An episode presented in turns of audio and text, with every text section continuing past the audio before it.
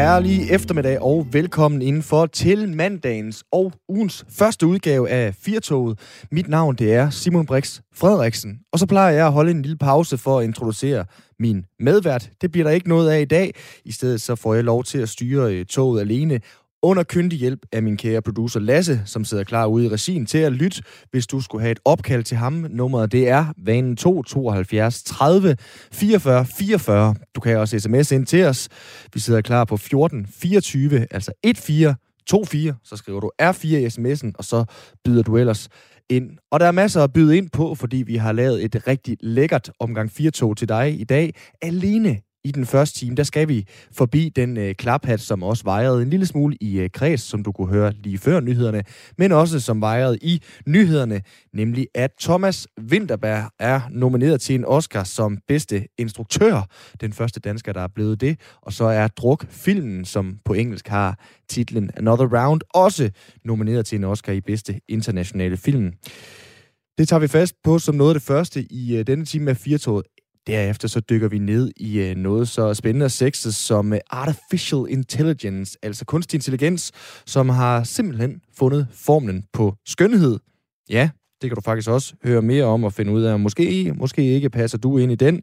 Det er jo radio, vi laver, så jeg tør i hvert fald ikke sætte mig selv på spil i den her. Så skal vi også forbi dagens øh, genåbningsfase øh, nummer 117 efterhånden. I dag der er det efterskolerne og højskolen, der får lov til at komme tilbage. Det har blandt andet givet nogle udfordringer i forhold til test, fordi øh, flere steder, der er der jo rigtig, rigtig mange elever, der er tale om 30.000 efter højskoleelever i hele landet. Og det betyder altså, at det er noget af et testapparat, som vi skal have gang i i det ganske danske land nu, hvor efter og højskolerne de er åbnet. Vi smutter en tur til Fyn også i denne time af fire togen. Og til allersidst, så markerer vi et øh, morbidt og relativt makabert jubilæum i dag, 15. marts 2021, der er det 20 år siden, at Peter Lundin, han blev dømt. På den måde, så kommer vi forhåbentlig igennem både det ene og det andet, og det tredje i denne time af Firtoget. Jeg kan lige starte med at fortælle øh, noget, som jeg i hvert fald synes er øh, ret så interessant, fordi rockstjernerne anno 2020 og 2021, det er ligesom relativt oplagt, at øh, sådan nogle mennesker, de skal have øh, fanbeskeder. De skal i hvert fald også have det modsatte. Desværre hadfulde beskeder, det er åbenbart kommet for at blive her i de her år. Og så kan man jo tænke sig til, hvem er det, der får dem? Thomas Winterberg, som vi skal tale lidt om lidt senere, han har ganske givet både fået det ene og det andet.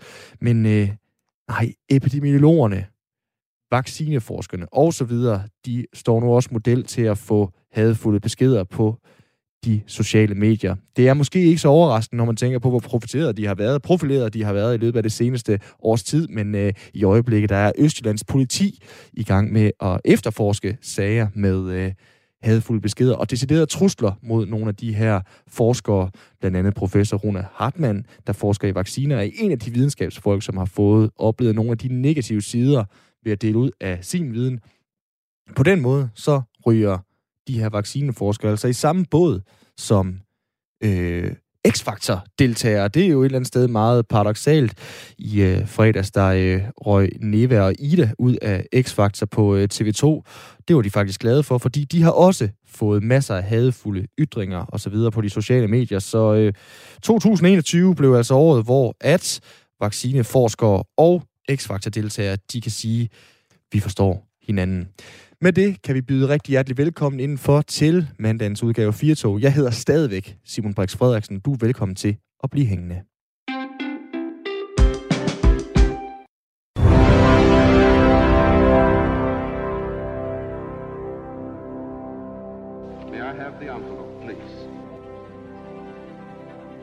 And the Oscar for Best Picture is presented to. And the Oscar goes to. And the Oscar goes to. And the Oscar goes to. And the Oscar goes to. Ja, så skulle stemningen gerne være sat. Det her, det var selvfølgelig tonerne og lyden af Oscar uddelingerne, som øh, snart løber af stablen helt præcis. I år, den 26. april, bliver Oscaren uddelt i 2021. Men i dag, der var det en meget, meget vigtig skæringsdato, fordi det blev nemlig officielt, hvem det er, der skal dyste om de her Oscar-statuetter, altså der skal uddeles den 26. april. Hvem er favoritterne? Hvem kan overraske på selve aftenen? Var der overraskelser osv.? Og så selvfølgelig skal vi også lige runde, at Druk, altså den danske film Another Round, er nomineret i hele to kategorier. Og det kan vi jo tale med dig, vinder af programmet Kasper Christensen, om. Velkommen til, Kasper. Tusind tak. Du er filmekspert og indehaver af Filmnørdens øh, Jørgen. Vi starter simpelthen selvfølgelig med danskervinklen. Thomas Winterberg nomineret som bedste instruktør. Det er første gang, en dansk instruktør er nomineret til en Oscar, Kasper. Altså helt ærligt, kommer det bag på dig som ekspert, så skal du selvfølgelig sige nej. det kommer, det kommer der 100% bag på mig. Ej, ikke 100. Ikke 100 procent, det vil jeg ikke sige. Øh, fordi der, der havde været sådan lidt snak i krogene om, at altså, den var jo ret ja, sikker og sikker, men den var rimelig sikker til at, at, at få sådan en, en Best International nominering. Så var der rigtig meget snak om Mads Mikkelsen måske kunne få en for bedste skuespiller, det gjorde han så ikke. Så har der også været lidt snak om Winterberg og Tobias Lindholm måske skulle få en for bedste manus. Og så har der været lidt fnider og fnader om, at han måske fik en for bedste instruktør, men det var ikke rigtig noget, man tog alvorligt. Før end at var jeg fik nomineringen, fordi så var, så var det virkelig, oh, what? Nå, no, okay. Øh, fantastisk. Det, det er, det, så det er virkelig overraskende. Men, men, men, det, men hvis, hvis, der var, hvis der var nogen kategorier, den ligesom skulle nomineres i, så var det helt klart en af dem. Mm. Hvor, altså, hvor stort er det? Altså, det, som vi jo lige øh, sagde her, Kasper, er det, er det altså første gang, at en dansk instruktør er nomineret til en Oscar i den kategori. Hvor stor er det? Ja, det, det er da stort, synes jeg. Det er jo øh, altså en, en øh, bedrift, som vores svenske naboer har været rigtig gode til at, øh, at opnå mange gange. Blandt andet Bessro Bergman har blevet nomineret tre gange tilbage i 70'erne. En enkelt nordmand, Morten Tyldum, har også været nomineret for et par år siden.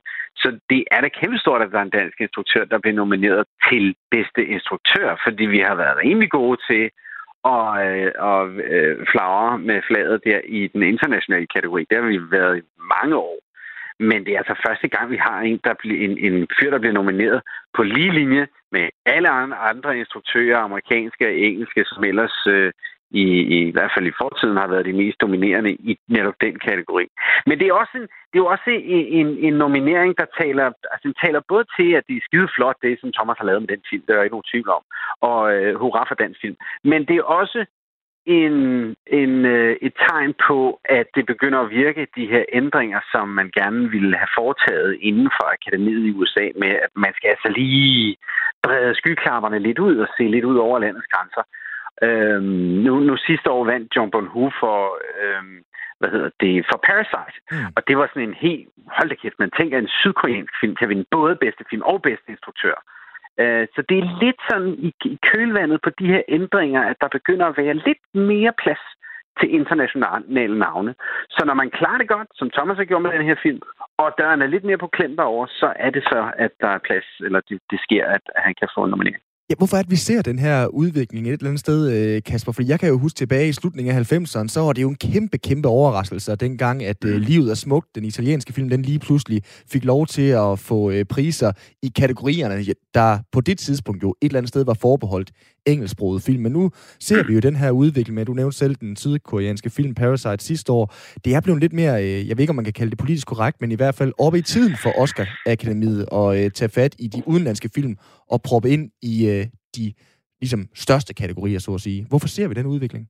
Det er sådan noget... Øh, det er sådan en større snak omkring, hvad øh, Oscarens identitet den er. Og hvad det amerikanske filmakademi, som det jo hedder. Det er jo det amerikanske filmakademi. Mm. Det er ikke en eller anden international konsort af, af forskellige filmakademier eller skabere eller sådan noget. Øh, det er det amerikanske filmakademi. Hvis identitet langsomt er glidet fra at være meget national til at blive mere og mere international. Og det er jo fordi, de følger, skal vi sige, filmbranchen, som i dens spæde morgen og start var og er 100% amerikansk. Den er født i USA, den branche. Og langsomt så er den jo bredt sig ud til resten af verden. Til en sådan grad, at nu kan man altså ikke øh, se sig selv i øjnene som øh, amerikansk, øh, den største amerikanske filmpris, uden også at se alle de mennesker i øjnene, der laver de amerikanske film. Det er der altså mange internationale forskellige mennesker, der gør. Så, så det, det, og så er der hele diversitetsspørgsmålet og politisk korrekthed, jeg skal komme efter, der Oscar So White, som der var, ikke? Altså det, det hjælper også lidt på den udvikling. Men det er en meget sådan bevidst udvikling, der er sat i værk af nogle mennesker, der synes, prøv at høre, nu er det altså på tide, at vi begynder at, at se ud over de grænser, som vi har gjort før. Så det er en, men det er en, det er en, det, det er en glidende udvikling, og den er ikke færdig. Altså, det, det bliver ved med at udvikle sig. Så det, det er meget sjovt at følge med i, sådan år for år for år. Mm. Og nu profiterer vi altså af det med i første omgang en nominering til Thomas Winterberg som bedste instruktør. Kan han vinde? Nej. Øh, jo, jo. altså, det kan jo sagtens. Reglerne er jo, som reglerne er. Hvis der er flest, der stemmer på ham, så vinder han. Men det er der ikke. Altså, det, så der vil, jeg blive, der vil jeg blive seriøst overrasket. Så vil jeg virkelig øh, begynde at tvivle på, at der er noget, der fungerer. Øh, og det, det er, men det er fordi, at han er op imod nogle, nogle, øh, nogle lidt store øh, kanonfilm i, i år. Mm. Og især en. Altså, det er ikke fordi, at de andre instruktører er sådan nogle totale gengangere. David Fincher har man hørt om før, selvfølgelig. Han er jo en, en stor instruktør. Mm. Men altså lige Isaac Chung og Chloe Zhao og Emerald Fennell er ærligt, jeg skal være den første til at indrømme, det er ikke navne, jeg er vant til at sige. Bortset fra Chloe Zhao, hendes navn er jeg blevet, blevet meget vant til at sige af den sidste stykke tid, fordi hun har lavet en film, der hedder Nomadland, Mm. som ser ud til at være årets Oscar-nomineret. Øhm, det er en meget lille film, med lavet af utrolig få mennesker på et meget lille budget, hvor at Chloe Zhao og hendes mand er rejst rundt i USA, og fortæller en historie om en øh, kvinde, der øhm, bliver, altså beslutter sig at blive nomade. Fordi hun ikke øh, har råd til at bo i, i et hjem, så bor hun i en van og kører rundt i USA og finder pludselig ud af, at der findes et helt samfund, der, der lever sådan her. Øh, og filmen er øh, med, med, kun med to øh, skal vi sige, uddannede, be- betalte rigtige skuespillere. Resten bliver spillet af rigtige nomader. Okay. Øh, så, så hele den historie, øh, både den, som den fiktivt fortæller, men også i historien om filmen, er, er, altså passer så godt ind i det USA, der er i øjeblikket. Det her super splittede USA med, hvad er vi, hvem er vi, alle de her ting. Og det er altså den film og den instruktør, som Thomas han er op imod her. Det vil overraske mig enormt meget, om han skulle vinde, og, og om ikke Chloe Zhao hun vandt. Men nu må vi se, der, det, det, det, man kan aldrig være sikker. Nej, det er, jo det, det er jo det, og så er det jo godt, at vi alligevel ringer til sådan en som dig, Kasper, som vi beder om at være totalt skråsikker i radioen. Fordi Ja, tak. Nomadland, øh, som du er inde på øh, her, øh, lyder jo som et eller andet sted sådan en klassisk Oscar-film, øh, der passer til tiden osv. der. Ja. Ja. Mank er jo også en af dem, der fik rigtig, rigtig mange nomineringer. Øh, altså, er det de to, der skal slås om det, og er det Nomadland, der ligesom er øh, foran øh, inden øh, selve uddelingen, tror du? Altså umiddelbart så er det Nomadland. Mank er øh, rigtig meget en branchefilm. Altså det er en film, der er lavet til folk, der laver film. Er ikke engang til folk, der kan lide film. Det, den er lavet til, film, der, til folk, der laver, der laver film. Men elsker de ikke også Og- det, Oscar? Jo, jo, det gør de. Men der, der er noget mere, altså den er ikke, jo, der er en lille historie omkring fake news og øh, øh, sådan noget. Men ellers så, altså der hvor Nomadland går hen og vinder, er, at det er meget indirekte. Øh, og det er jo næsten, altså det er, en, det er en politisk film, der ikke er politisk, fordi den er ikke politisk. Hmm. Men, men bare det, at man fortæller en historie om amerikanere, der lever som nomader og finder, finder en, en amerikansk sjæl ude i det store Amerika. Øh, det- Den er så svær at øh, skyde igennem bare ideen, at det så ovenikøbet også er en fantastisk god film. Det, det gør det til en, en svær film, synes jeg, at, at overse i, i, de, i de forskellige store kategorier her. Så jo, Mank er da også en flot film, jeg kan også rigtig godt lide den selv. Det, er en film, der har splittet folk meget mere end Nomadland, Mm. der ser ud til at have, have virkelig mange øh, folk bag sig. Og så runder vi lige øh, klaphatten her til øh, slut igen, øh, Kasper, fordi et eller andet sted skal vi være skuffet ja. Over, at Druk i Gåsøjne kun er nomineret til bedste internationale Ja, film. ja, det er forfærdeligt. øh, nej, nej, det skal vi ikke. Altså, jeg jeg vil sige, jeg havde regnet med en øh, bedste international film, og så punktum. Okay. Øh, at, at, der kom mere med, det er bare øh, ekstra flødeskum på kagen. Men det er jo altså ikke det eneste, fordi øh, Mikkel E.G. Nielsen, dansk øh, klipper, der har klippet Sound of Metal, han er altså også øh, Oscar nomineret for, for klipningen til den film. Og så øh, Elvira Lind, som også er en øh, dansk pige. Hun har lavet en kortfilm, der hedder The, uh, The Letter Room. Så og den er også nomineret. Hun er, hvad hedder det, gift med øhm, øh, øh, Oscar Isaac, som Mm. mm. spiller hovedrollen i hendes lille kortfilm. Øh, så der er mange danske øh, fiskekroge i, i søen i år, og det, det gør det jo ekstra sjovt at, at følge med. Jamen, øh, vi glæder os. Jeg gør i hvert fald allerede. Jeg var øh, vild med druk, og jeg glæder mig til, at jeg skal se både Mank og øh, No Man Land, så jeg kan øh, finde ud af, om det er den værdige vinder. Kasper Christensen, tak fordi du var med. Selv tak. Altså filmekspert og indehaver af Filmnørdens Hjørne. Vi må øh, se, hvad det ender med. I hvert fald er, som vi har snakket om nu, en del gange druk, eller på engelsk Another Round, nomineret til bedste instruktør og bedste internationale film.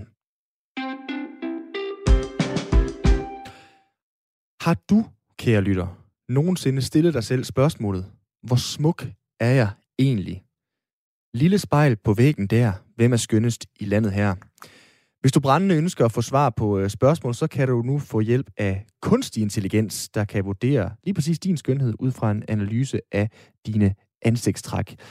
Her nu, der lytter du til 4 klokken. Den er 20 minutter over 3 på denne mandag, og vi skal blive en lille smule klogere på artificial intelligence, eller kunstig intelligens, som det hedder, som øh, har lavet en formel på skønhed, og om det egentlig er problematisk. Til at gøre os klogere på det, der har vi ringet til foredragsholder og digital strateg. Det er dig, Peter Svare. Tak, fordi du gider være med.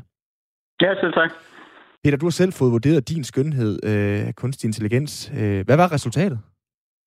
Ja, det var sådan et meget middelmådigt 7 ud af 10, øh, hvilket jo sådan set var meget fint. Men det, der så var problemet, var, at jeg så tænkte, det var jo bare et tal, så jeg sammenligner lige med min ven gennem øh, 40 år, og, og så uploadede jeg et billede af ham, og så fik han så 10 ud af 10. Og så var det jo så, at det blev en lille smule irriterende, ikke? jeg skal lige sige, var du, var du skuffet, eller var du tilfreds med et syvtal? Jamen, det, det er jo lige præcis, det er et syvtal, jeg siger jo ikke så meget. Det er jo først, når man sådan, så begynder at sammenligne med nogle andre ting, ikke? hvor man tænker sådan, ham der, ham har jeg kendt hele mit liv. Ikke? Mm. Han er da en meget pæn fyr, men jeg er da klart pænere end ham, ikke? og så scorer han 10 ud af 10, og jeg scorer 7 ud af 10. Var han pænere end dig? Er han pænere end dig?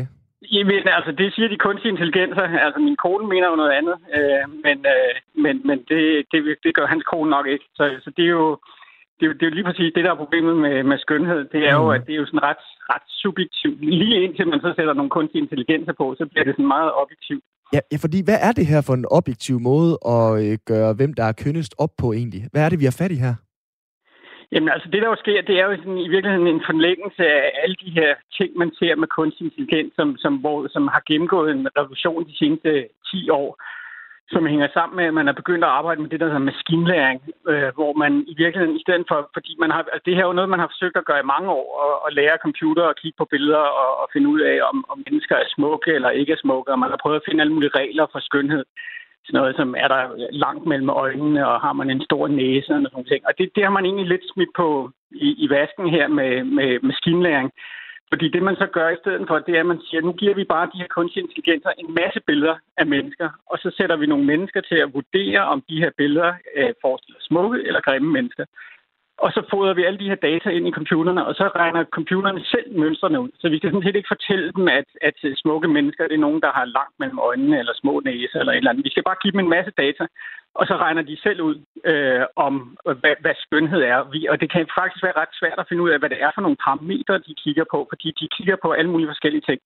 Men, men det, som det betyder, det er, at vi vil hjælpe det her maskinlæring som jo bliver brugt til alle mulige andre ting i, i, i moderne kunstig intelligens. Men ved hjælp af det her maskinlæring, så kan vi altså nu lave sådan nogle algoritmer, der kan kigge på ansigter af mennesker, og så bedømme dem på en skala fra 1 til 10, eller alle mulige forskellige andre skalaer. Men, men er det ikke et eller andet sted en øh, umulig opgave, når man tænker på, hvor stor verden er, og hvor mange forskellige interesser og så videre der er, hvis du siger, at man ligesom har kondenseret det ned til, hvad der, hvad der er smukkest? Jeg er med på, at du siger, at det, det er svært at finde ud af, hvad det egentlig er, der er kønnest, ud fra hvad for nogle øh, hvad skal man sige, resultater, der er plukket ind i, i den her. Men der var jo også en gang i øh, Kina, hvor øh, små og buttede, øh, kort øh, fodet kvinder var de smukkeste. Nu er det lige pludselig nogle helt andre skønhedsidealer, der er. Er det ikke umuligt at kondensere det her ned til, hvem der er den smukkeste? Jo, jo, og det er jo lige præcis en af de ting, der er problemet, det er jo, at altså det, når man skal fodre de her kunstige intelligenser med data, så er man jo nødt til ligesom at tage udgangspunkt i et eller andet datagrundlag. Og, og det, der faktisk er interessant, det er mange af de her skønheds-AI'er, som man selv kan prøve på, på nettet. Mange af dem bliver faktisk lavet for tiden i Kina, fordi Kina er et af de lande, hvor man virkelig arbejder med maskinlæring og, og kunstig intelligens. Og det betyder, at mange af de her algoritmer, de er faktisk øh, baseret på sådan et kinesiske skønhedsideal. Så det vil sige, at man har måske brugt billeder af, af asiatisk udseende mennesker, og man har haft mm. asiater til at vurdere, om de her billeder er, er smukke eller ej. Så det vil sige, at man som, som en vestligt udseende person, eller hvis man har afrikansk baggrund eller, eller andet, så får man måske en dårligere bedømmelse, fordi asiater har en tendens til at synes måske, at de selv er kønnere end andre mennesker. Ikke? Og- en af de ting, man sådan objektivt har kunne se med mange af de her algoritmer, det er sådan helt klart, at hvis, hvis du kommer, hvis du har afrikansk baggrund, hvis du er mørk i huden, så har de en tendens til at vurdere dig lavere, end hvis man er lysere i huden eller asiatisk Mm. Okay, så hvad skal vi egentlig bruge det til så? Jamen altså, det der er interessant, det er jo, der er jo, sådan, altså, der er jo der er rigtig mange kommersielle applikationer. Et af de firmaer, jeg faldt over i forbindelse med, at jeg skrev en artikel om det her den anden dag, det er en virksomhed, som hedder Crows, øh, som kalder sig selv æstetiske konsulenter. Øh, og man kan gå ind på deres side på at google Crows, og så kan man gå ind på deres side, og så har de sådan et sted, hvor man kan uploade sit eget billede, eller et billede af alle mulige andre mennesker på den test. Og så øh, den, der bliver man så ikke rated på en skala fra 1 til 10, men det den gør, det er, at den simpelthen finder de fejl, et ansigt har. Så det vil sige, den, den ved ligesom, hvad der er smukt, og så ved den jo så også, hvad det er, der ikke er smukt. Og da jeg uploadede mit billede der, så kiggede den på, på billedet og sagde, Jamen, du har i hvert fald tre problemer, som er alvorlige. Du har sorte render under øjnene, og du har poser under øjnene, og en eller anden ting til, som jeg ikke kan huske.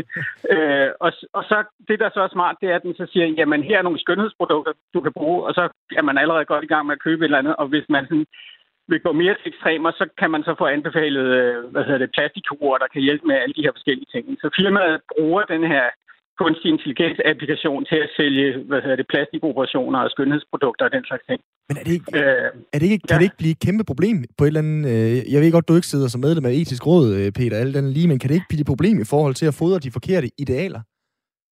Jo, altså, der er jo, der er jo en lang række problemer med altså, kunstig intelligens, der bruges på, på, på den her måde, som man jo skal være opmærksom på. For det første er jo det der, jeg sagde før med, at, at de kommer jo til at være diskriminerende, alt afhængig af, hvad de er trænet på, mm. så Mhm. kommer de jo til at være diskriminerende over for bestemte etniciteter eller bestemte mennesketyper, eller hvad det nu kan være.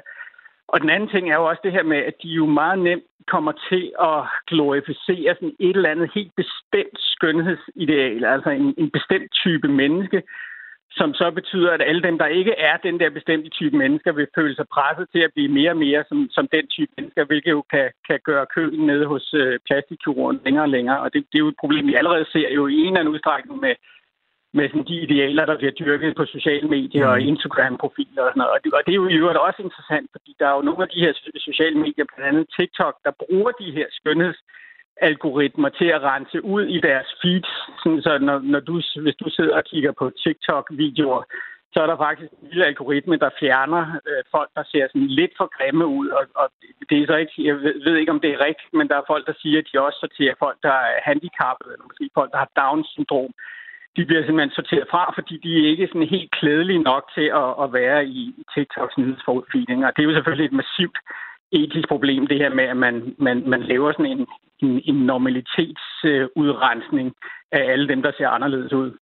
Ja, det tænker jeg da også, det må på øh, sigt i hvert fald kunne give øh, endnu større problemer, end vi allerede har nu, med at øh, folk de skal se ud på en øh, reel måde. Altså man kan jo så vende den om, tænker jeg jo, Peter, og, og bruge det positivt ved for eksempel at sørge for, at hvis man får lavet en øh, kunstig intelligensmåling af ens skønhed, at der så er, hvad ved jeg, flere handicappede, eller flere mørke, eller hvad det nu kunne være, øh, proppet ind i det der, så den ligesom kan skubbe til diversiteten der. Tror du, man vil se den udvikling også? Ja, altså det er jo noget, man kan jo håbe på, at folk bliver bedre til at, at ligesom i hvert fald at gøre deres datamateriale bedre og have sådan en mere, altså en større grad i diversitet, så den er opmærksom på, at man kan se ud på alle mulige forskellige måder. Men, men det, der er problemet, det er, at den måde maskinlæring og altså moderne kunstig intelligens fungerer på, det, de er sådan meget normalitetssøgende. De har sådan en tendens til ligesom at søge mod et eller andet fælles gennemsnit. Øh, I hvert fald i de, de nemmeste og billigste udgaver. Og hvis man sådan skal begynde at gøre dem mere avanceret, så begynder det at blive meget komplekst og, og kræver meget mere arbejdskraft. ikke? Så, så der er sådan en tendens til, at, at, øh, at det er billigt og nemt at lave de her kunstige intelligenser, og man kan ret hurtigt komme i gang med at bruge dem, man kan ret hurtigt få nogle resultater, øh, men lige så snart man skal gøre dem etiske og altså til gøre dem måske endda lovlige at få dem til at fungere i den virkelige verden, jamen, så bliver det ret dyrt og ret komplekst, og så skal man ansætte en helt anden type mennesker. Øh, og det er der altså mange af de her virksomheder, der sidder måske i Kina og USA og alle mulige forskellige andre steder. Der er, der er mange af de her virksomheder, det er de, det er de jo ligeglade med. Øh, de skal bare tjene nogle hurtige penge på at sælge nogle, nogle skønhedsprodukter og nogle, nogle, øh, nogle plastikkirurger. Ja, ja, jeg kan da godt forstå, hvis, øh, hvad ved jeg, Loyal eller et eller andet, andet stort øh, firma, de øh, lige lavede sådan en øh, analyse på det her, og så fik de castet den rigtige model til det her. Et eller andet sted, Peter, kunne du finde på at sætte dine øh, børn eller andre, du kender til at få lavet sådan en øh, måling her? Ja, altså, jeg, jeg, det er et godt spørgsmål. Nu har jeg ret små børn, men, øh, men den dag, hvor de bliver teenager, så vil jeg i hvert fald sørge for at, at, at tage en meget lang snak med dem omkring, hvordan sådan nogle algoritmer her fungerer, hvorfor det er, at, at, at hvis de fik lavet sådan en måling, og de var en 3'er ud af en 10'er, hvorfor mm. de ikke ligesom skulle bryde sammen over det, og hvorfor det var en maskine, og hvorfor den ligesom har sådan en bestemt normalitetskultur. Men det, altså, men det er en svær historie at fortælle til sine børn. Altså, jeg vil sige, at da jeg selv, øh, da jeg selv lavede de der små tests i forbindelse med, at jeg skrev den her artikel, så startede jeg ud og tænkte, at det kunne være meget sjovt at skrive den her artikel og bruge mig selv som eksempel. Og jeg, jeg ved jo, hvordan de her kunstige mm. intelligenser fungerer, så så nu laver jeg bare nogle tester. Det er jo ikke noget, der påvirker mig. I det øjeblik, jeg laver den første testing, så får jeg 7 ud af 10. Og så er jeg sådan, ah, det var også irriterende. Det, det måske kunne det blive en lille smule bedre. Ikke? Og så prøvede jeg at uploade et andet billede og ændre lidt på det. Man bliver, sådan, man bliver sådan meget hurtigt kompetitivt grebet af det der. Ikke? Selvom jeg jo altså, har beskæftiget mig med maskinlæring og kunstig intelligens i mange år nu, og ved præcis, hvordan de fungerer, og ved, at, at der er alle mulige problemer med det. Men alligevel bliver man sådan ligesom... Altså det der med, i det øjeblik, man bliver bedømt, så bliver man også sådan lidt afhængig grebet af den der situation mm. der. Ikke? Og, og, og det, det skal man bare være opmærksom på, og det kan være svært at bekæmpe. Ikke? Øh, så, så det er jo også, jeg tror også, at det er også derfor, der er, altså, der er behov for, at vi har nogle lovgivere vi her i landet og i, i EU, som i, i stigende grad er opmærksom på alle de problemer, der kan opstå med øh, ansigtsgenkendelse, som det her jo handler om, og, mm. og det her med, at man sætter algoritmer til at, at, at genkende folks ansigter og bruge alle de her data på alle, alle mulige forskellige måder. Altså man kunne jo godt, man kunne godt overveje simpelthen at sige, at at kommersiel udnyttelse af ansigtsgenkendelse simpelthen er, skulle være forbudt.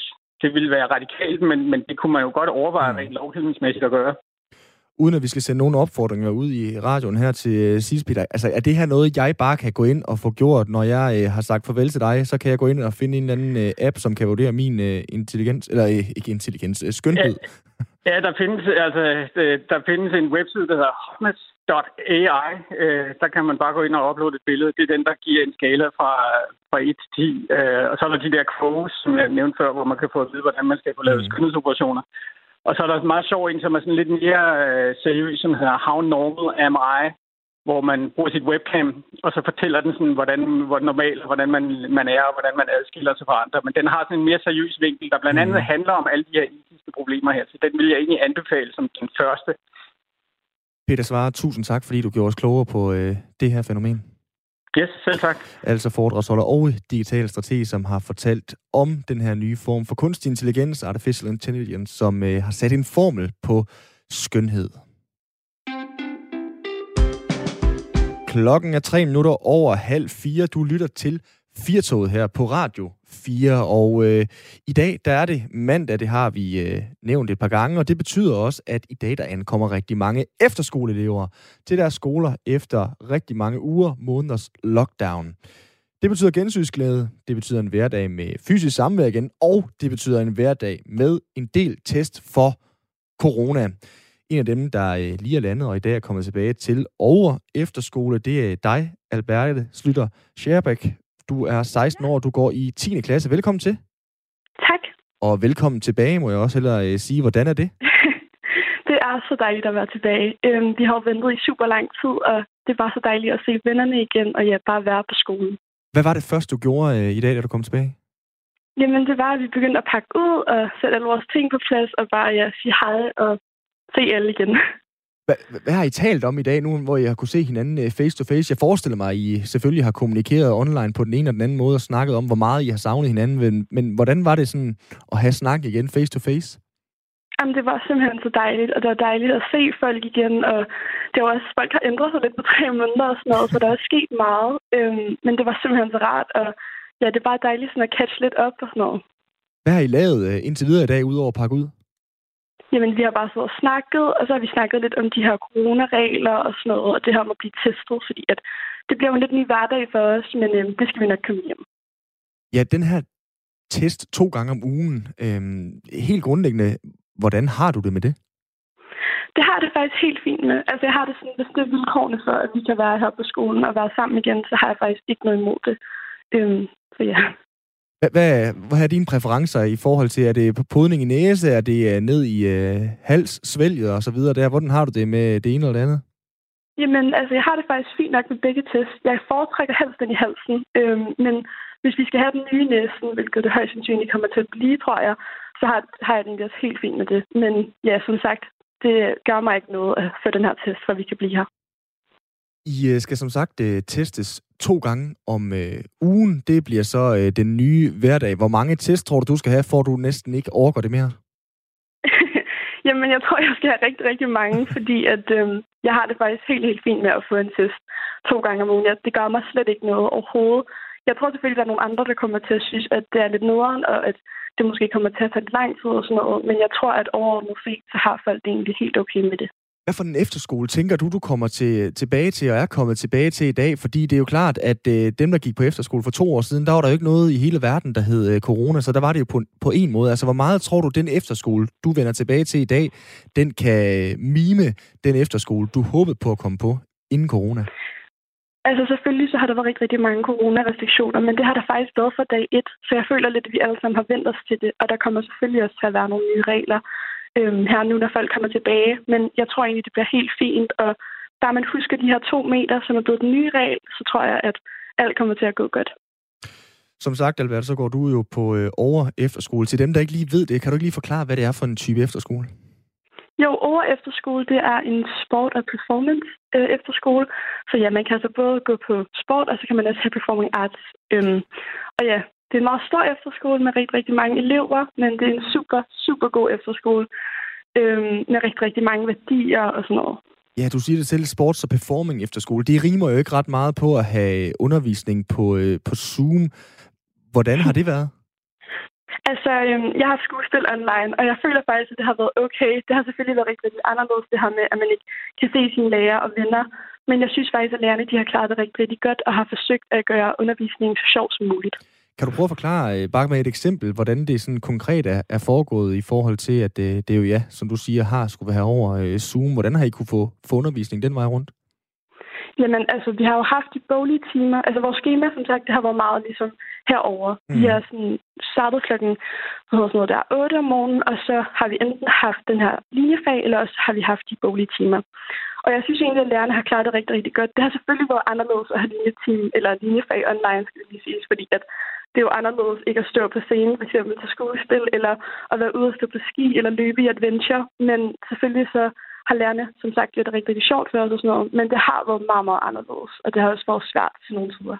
Ja, fordi jeg er jo sådan en, Alberte, der ikke selv har været på øh, efterskole, men når jeg snakker med nogen, der har været på efterskole, så siger de altid, det er det mest øh, definerende år i mit liv, det er det mest fantastiske år, jeg har fået så mange venner, og det er jo de helt store positive termer, der er i. Altså, den her øh, samhørighed, den har I selvfølgelig fået bare online, så på en anden måde, men føler du, du et eller andet sted har fået lige så meget ud af dit efterskoleår, som du håbede på? Det føler jeg 100% jeg har.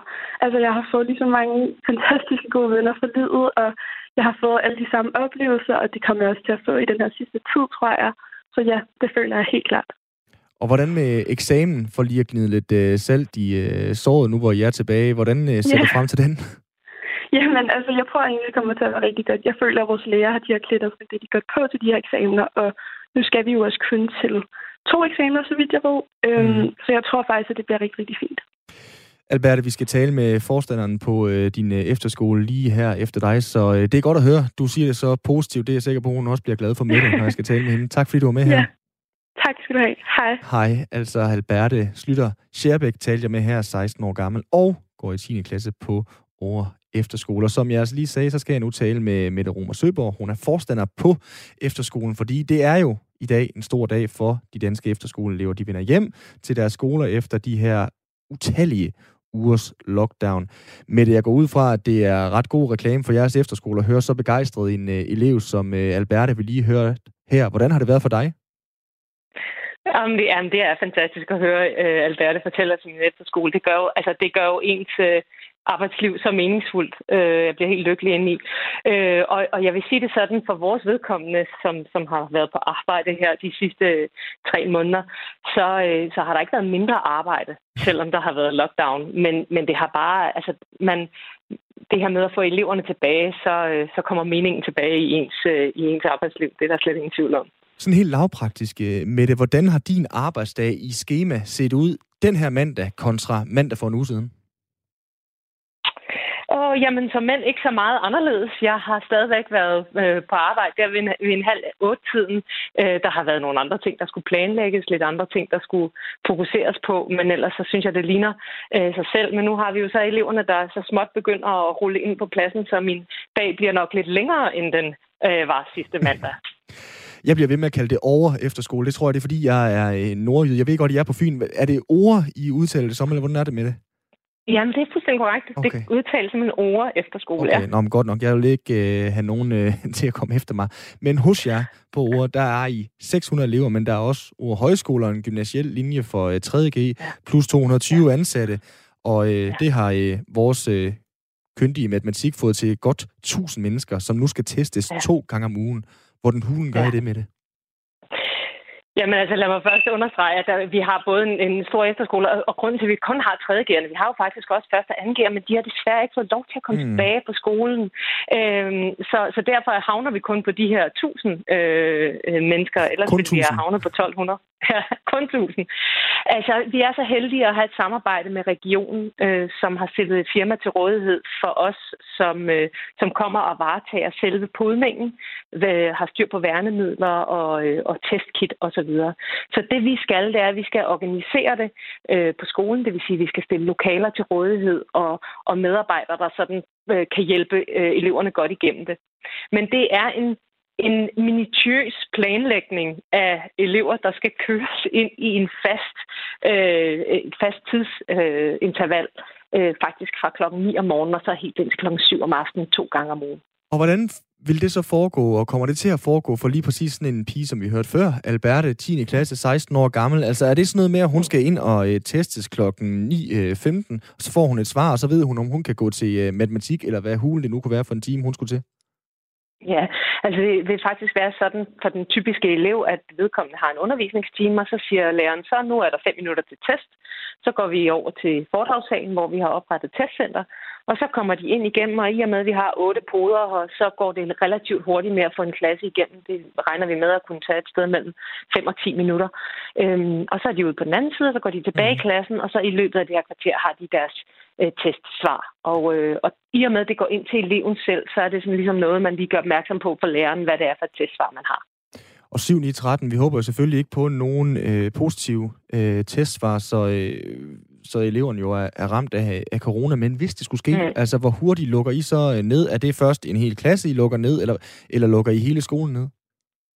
Jamen altså, det er faktisk sådan, at øh, erfaringerne fra, fra Nord- og Vestjylland efterskoler er jo desværre, at de her falske positive test, de har fyldt lidt meget. Mm. Hvis man kigger sådan rent statistisk på det, så vil det faktisk gøre, at vi skulle, vi vil, skulle ikke være overrasket, hvis der kom et sted mellem 3 og 5 falske positive test, bare ved én testning her på vores skole. Så vi har øh, sat et apparat op, hvor vi har en, en bil klar til at køre en eventuelt positiv elev ind til et øh, øh, privat firma, som så tester hurtigt, så vi kan svare i løbet af to timer på, om det er en falsk positiv. Og imens så isolerer vi alle de nære kontakter. Øhm, mm. Og, øh, og det vil sige både deres hus, altså dem, de bor i hus med, og den klasse, de går i. De bliver så isoleret, indtil vi har testsvar. Men, men, så, og men, hvis det så er positivt, så, så må vi jo have dem hjem. Mm. Men ja. nu nævner du selv de her falske positive, som der jo øh, florerer, ja. og som giver noget bøvleri lige i øjeblikket. Altså, jeg ja. forestiller mig jo også, at uh, for en forstander som, uh, som dig med det, det der med at blive ved med ja. at, at være helt vildt seriøs på hver eneste ene prøve, og så, shit, nu får vi en mm. uh, positiv måske, vi skal sætte det helt store apparat i gang, og så viser det sig måske, at den er mm. falsk positiv. Hvordan holder man ligesom mm. motivationen til, at det her, det gælder simpelthen uh, skolens uh, liv og, uh, og glade dage, at vi uh, tager hver eneste prøve seriøst? Jamen det er netop, som du siger, det er jo fordi, at, øh, at det er afgørende for, at vi kan få lov til at have eleverne her, det er, at vi tager hver evig eneste pose eller test øh, øh, meget alvorligt.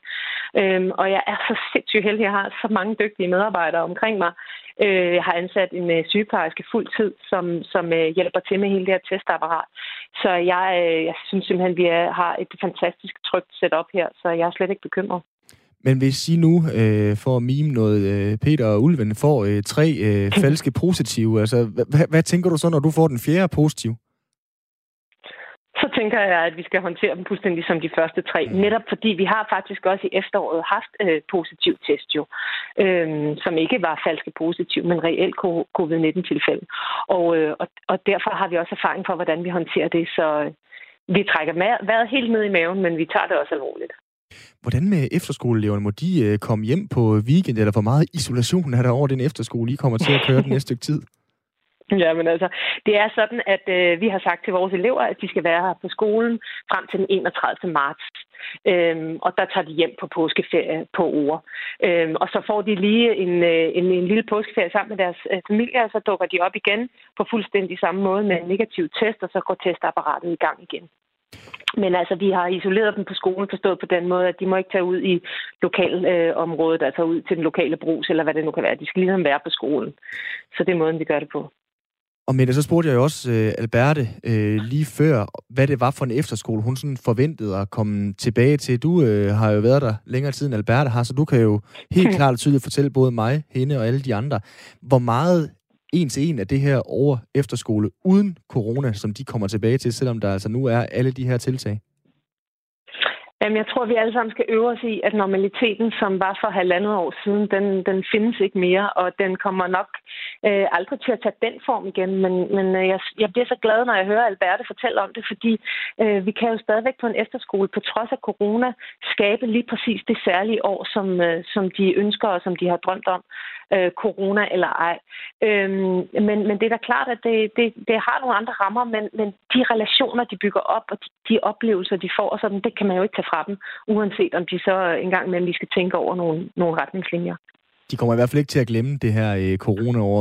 Med det her til sidst, på en øh, skala fra 1 til 10, hvor presset er du over de mange elever, I skal håndtere på en øh, ny måde med restriktioner nu? Altså, hvis 10 er rigtig meget, og, og 1 er næsten ingenting, så vil jeg sige øh, 1. Øh, jeg er helt rolig. Øh, det her sidste halvandet år, det har, det har øh, givet mig en, en, en, øh, en øvelse i at kunne tage selv de vildeste situationer med ophøjet ro. Så, så lad mig sige det sådan, vi, vi er klar. Mette Rumer Søborg, det er gråt og trist her i Aarhus. Jeg forestiller mig, at du har det rigtig fint dernede, hvor du er. Tak fordi du var med.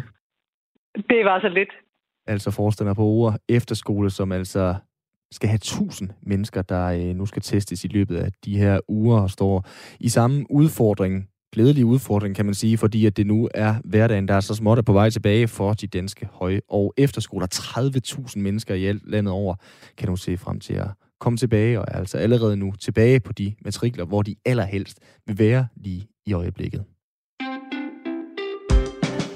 Så skal vi til noget helt, øh, helt andet og øh, anderledes øh, makabert, måske endda også lidt morbidt, fordi i dag, 15. marts, der er det 20 år siden, at Peter Lundin blev dømt for mordet på en kvinde og hendes to børn i et hus i Rødovre. Et øh, brutalt mord, der rystede Danmark og som gav Peter Lundin ud over rigtig meget kendisfaktor lige pludselig også livstid for det tredobbelte drab. Journalist Ralf Andersen, han lavede dokumentaren om Peter Lundin, og det, blev en rejse ind i en øh, ond verden, der kom meget tæt på ham selv, måske endda også for tæt. Og øh, dig har vi nu med, Ralf Andersen. Velkommen til.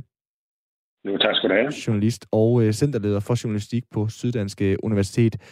Du startede din rejse med sagen om Peter Lundin, dengang han sad fængslet i USA for at have slået sin mor ihjel. Hvorfor uh, blev du involveret i sagen?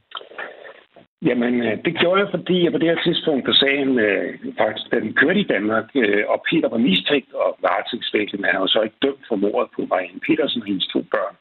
Øh, der var jeg netop blevet ansat på Nord som helt ung journalist for at lave dokumentarprogrammer. Og her lå der så flere timers optagelser med Peter Lundin fra en tidlig udsendelse, som man havde lavet i USA, øh, da han sad derovre øh, dømt øh, for mordet på sin egen mor. Og det er de her optagelser, de berømte optagelser, hvor han sidder og maler sig i ansigtet og reciterer mærkelige digte osv. Og de unikke optagelser, de blev så omdrejningspunkt og udgangspunkt for, at jeg sammen med en anden journalist, Janne Petersen, gik i gang med at lave udsendelsen om pedologi. Og sagen kørte på det her tidspunkt i Danmark, så vi kunne ikke øh, hvad skal jeg sige, lave om den konkrete sag, om hvad der var sket øh, ude i huset i Rødovre, men vi kunne lave historien om, hvem pedologien var, og hvad det egentlig var, der var sket, før han kom til Danmark, efter han var blevet løsladt og udvist til Danmark, øh, han var dansk statsborger, mm. eller det er han stadigvæk, og, og det var også historien om, hvordan hele hans opvækst havde været, og det var en skræmmende historie, skulle jeg sige. Ja, hvem var Peter Lundin egentlig? Som du selv øh, nævner, de billeder, der står tydeligst for sådan en øh, fyr som mig, det er jo de der billeder, hvor han var malet sort og øh, hvid i, i ansigtet. Hvem var Peter Lundin? Jamen altså, vi, øh, vi gjorde det, vi fik. Øh, det var det billede, vi prøvede at, at, at finde ud af og få en fornemmelse af og vise hvad, i udsendelsen, hvem han egentlig var, hvad hans opvækst var. Uh, vi prøvede at få fat i forskellige øh, folk, han kendte, familiemedlemmer. Vi fik blandt andet fat, fandt vi frem til en faste, der boede over i Canada, og jeg tog så over lidt ude fra Toronto øh, for at besøge hende, og jeg kan huske, at vi havde været undervejs i meget lang tid, at jeg ikke sovet. Vi havde problemer med at få vores udstyr ind i USA og alt, eller Canada, alt muligt. Og så kommer vi helt over i hende her øh, fasteren tidligere om morgenen, og det første, hun gør, det hun åbner døren, det er, at hun stikker nogle breve til mig og siger, prøv at det er nogle breve, som Peter har skrevet, mens han sad inde i fængsel i USA. Og jeg har simpelthen så meget tænkt over, øh, at der var nogen, der burde se de breve. Nu giver dem til dig, og så må du gøre med det, hvad du vil. Og i de breve, der så begyndte at læse dem derovre, den morgen, det var bare Peter, der beskrev, hvordan han nød og havde brug for at slå ihjel og dræbe. Altså, in fact, I find killing very, very, very delicious and interesting. Det var sådan nogle ting, han skrev. Og der sad hjertet jo fuldstændig op i halsen på mig. Det, du skal, man skal tænke på, at det her det var den mest omtalte bestialske kriminalsag i dansk retshistorie mm. på det her tidspunkt. Og så pludselig sidder man med de her breve. Øhm, det var den ene ting, som virkelig påvirkede mig enormt meget. Den anden ting, det var, at hun viste også en masse familiebilleder. Og der kan man sige, at familiebillederne, det var jo det var bare sådan almindelige billeder af, af familie og så videre. Men der var et billede, som virkelig gjorde et meget stort indtryk på mig, som mig synes ind i hukommelse og som jeg ikke kunne slippe, og stadig har stående meget klart. Et billede, hvor Peter, cirka et år gammel, sidder på skødet af sin mor, altså Anna Schaffner Lundin. Det er fuldstændig almindelige familiefotos. Peter, glad, så dreng med et par få pløkker i munden. Moren, køn, glad, stolt over at være nybagt mor. Øhm, så det er sådan en helt almindelig familiefoto, som man kan finde overalt i alle mulige familiealbum rundt omkring. Billedet får jo bare en helt særlig betydning, når man ved, hvad det var, der skete. Altså, han ender med at slå hende ihjel på et tidspunkt, og øger tre andre personer også. Her er to børn. Så grundspørgsmålet, det var, hvad var det egentlig, som gik galt? Det er jo et journalistisk spørgsmål, som blev motoren i hele vores arbejde med udsendelsen. Den anden del, det var det helt grundlæggende essentielle spørgsmål. Det var, er det her noget, vi alle sammen har i os? Altså, har vi mm. evnen til at dræbe og begå uhørligheder? Og billedet gav jo stillede spørgsmål, men det gav sådan set også svaret. Fordi her sidder en lille sund dreng, som ender med at gøre en masse forfærdelige ting. Øh, fordi hans opvækst var helt forfærdelig. Og det, kunne vi jo, det jo det, vi fandt ud af, da vi rullede sagen op. Mm.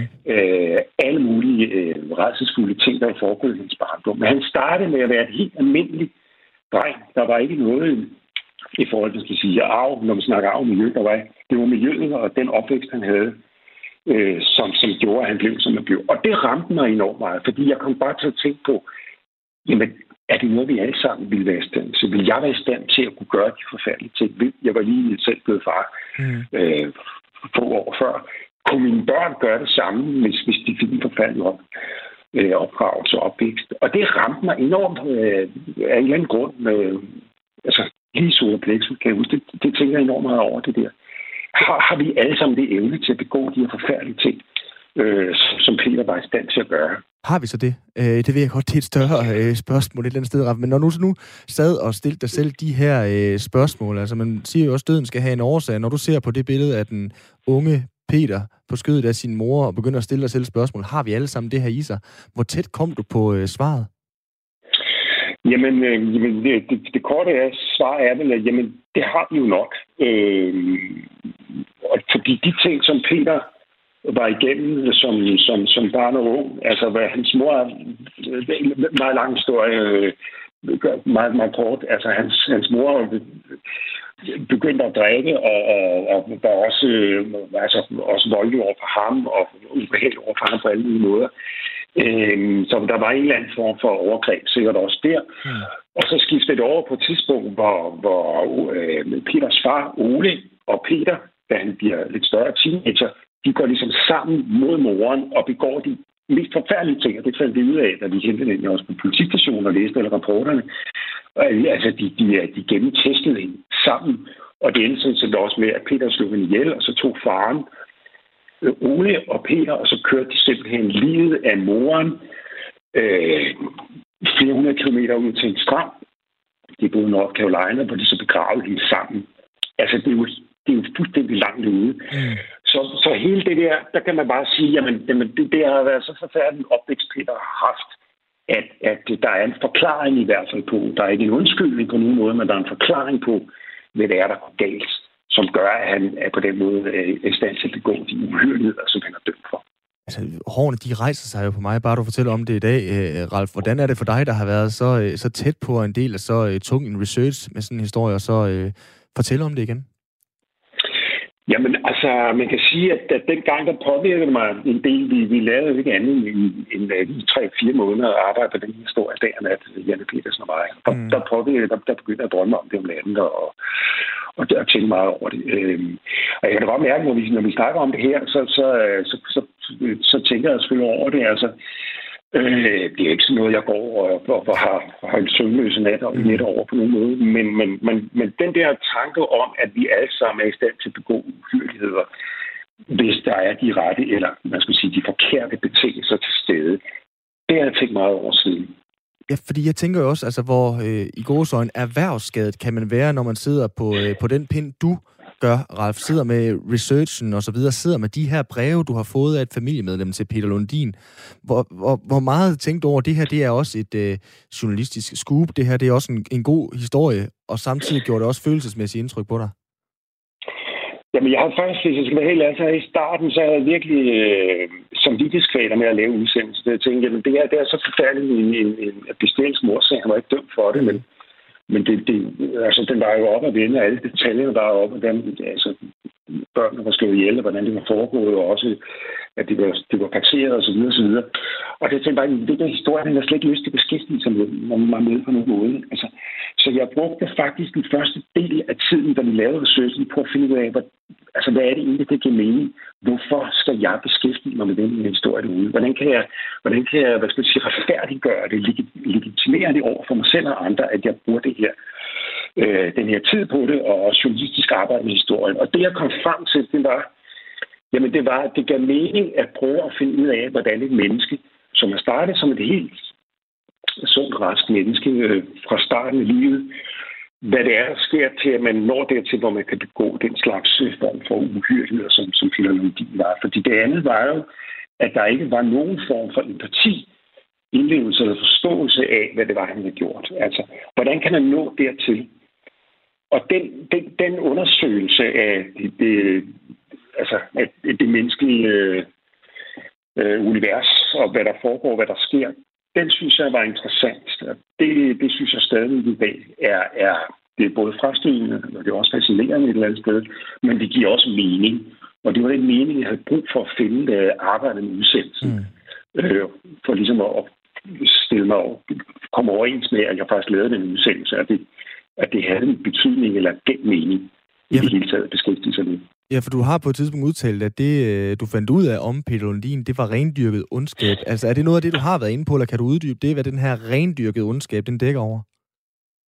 Jamen altså, når jeg sad og så på de der råoptagelser, som vi havde, det var ikke nogen, jeg havde lavet selv, men det var, det var der andre, der havde gjort fra, fra, fra fængslet, når han sidder og reciterer egne digte. There is devil, there is love, there is pure, there is insanity, there is evil, there is not. Altså, når man, når man sad og så ham, og så det blik ned i øjnene, altså, og han snakker om djævne og snakker om ondskab, mens han sidder og maler så sort og hvid i hovedet. Kombineret med de handlinger, han, han så har øh, begik, og hans egen fuldstændig mangel på anger og empati, så havde jeg det bare sådan. Så var det simpelthen satan selv, at tale, og som jeg sad og så på. Det sagde altså Ralf Andersen, journalist og centerleder for journalistik på Syddansk Universitet. Tak for øh, den her øh, trip down memories blood lane, øh, Ralf, og tak fordi du gad være med. Selv tak.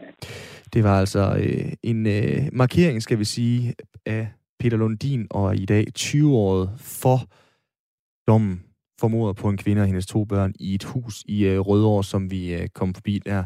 Det betyder også, at vi er på den anden side af stort set hele første time af Firtoget denne mandag den 15. marts. Vi er tilbage med øh, 55 yderligere minutters Firtog efter nyhederne. Dem er der 5 minutter af her, når klokken den øh, rammer 16.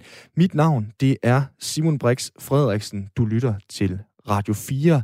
Her nu, der overlader jeg mikrofonen til nyhederne på Radio 4. Klokken er 16.